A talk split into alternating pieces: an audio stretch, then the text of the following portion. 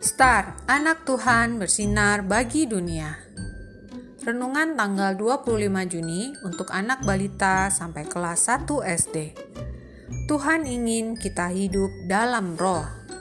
Diambil dari Galatia 5 ayat 22 sampai 23a.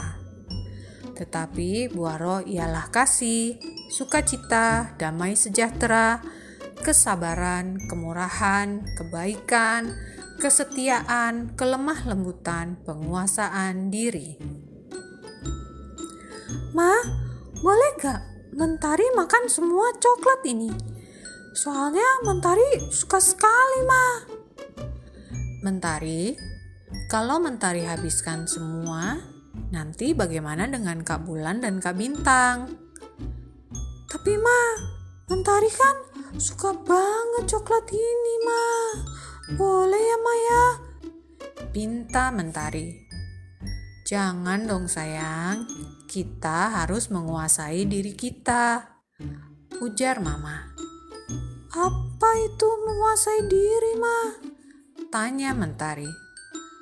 Penguasaan diri adalah selalu ingat ada orang lain di sekitar kita. Tidak mementingkan diri sendiri. Terang Mama. Oh, begitu ya, Ma.